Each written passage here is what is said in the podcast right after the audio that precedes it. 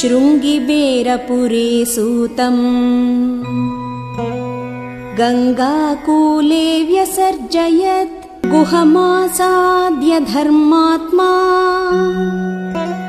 निषादाधिपतिम् प्रियम्।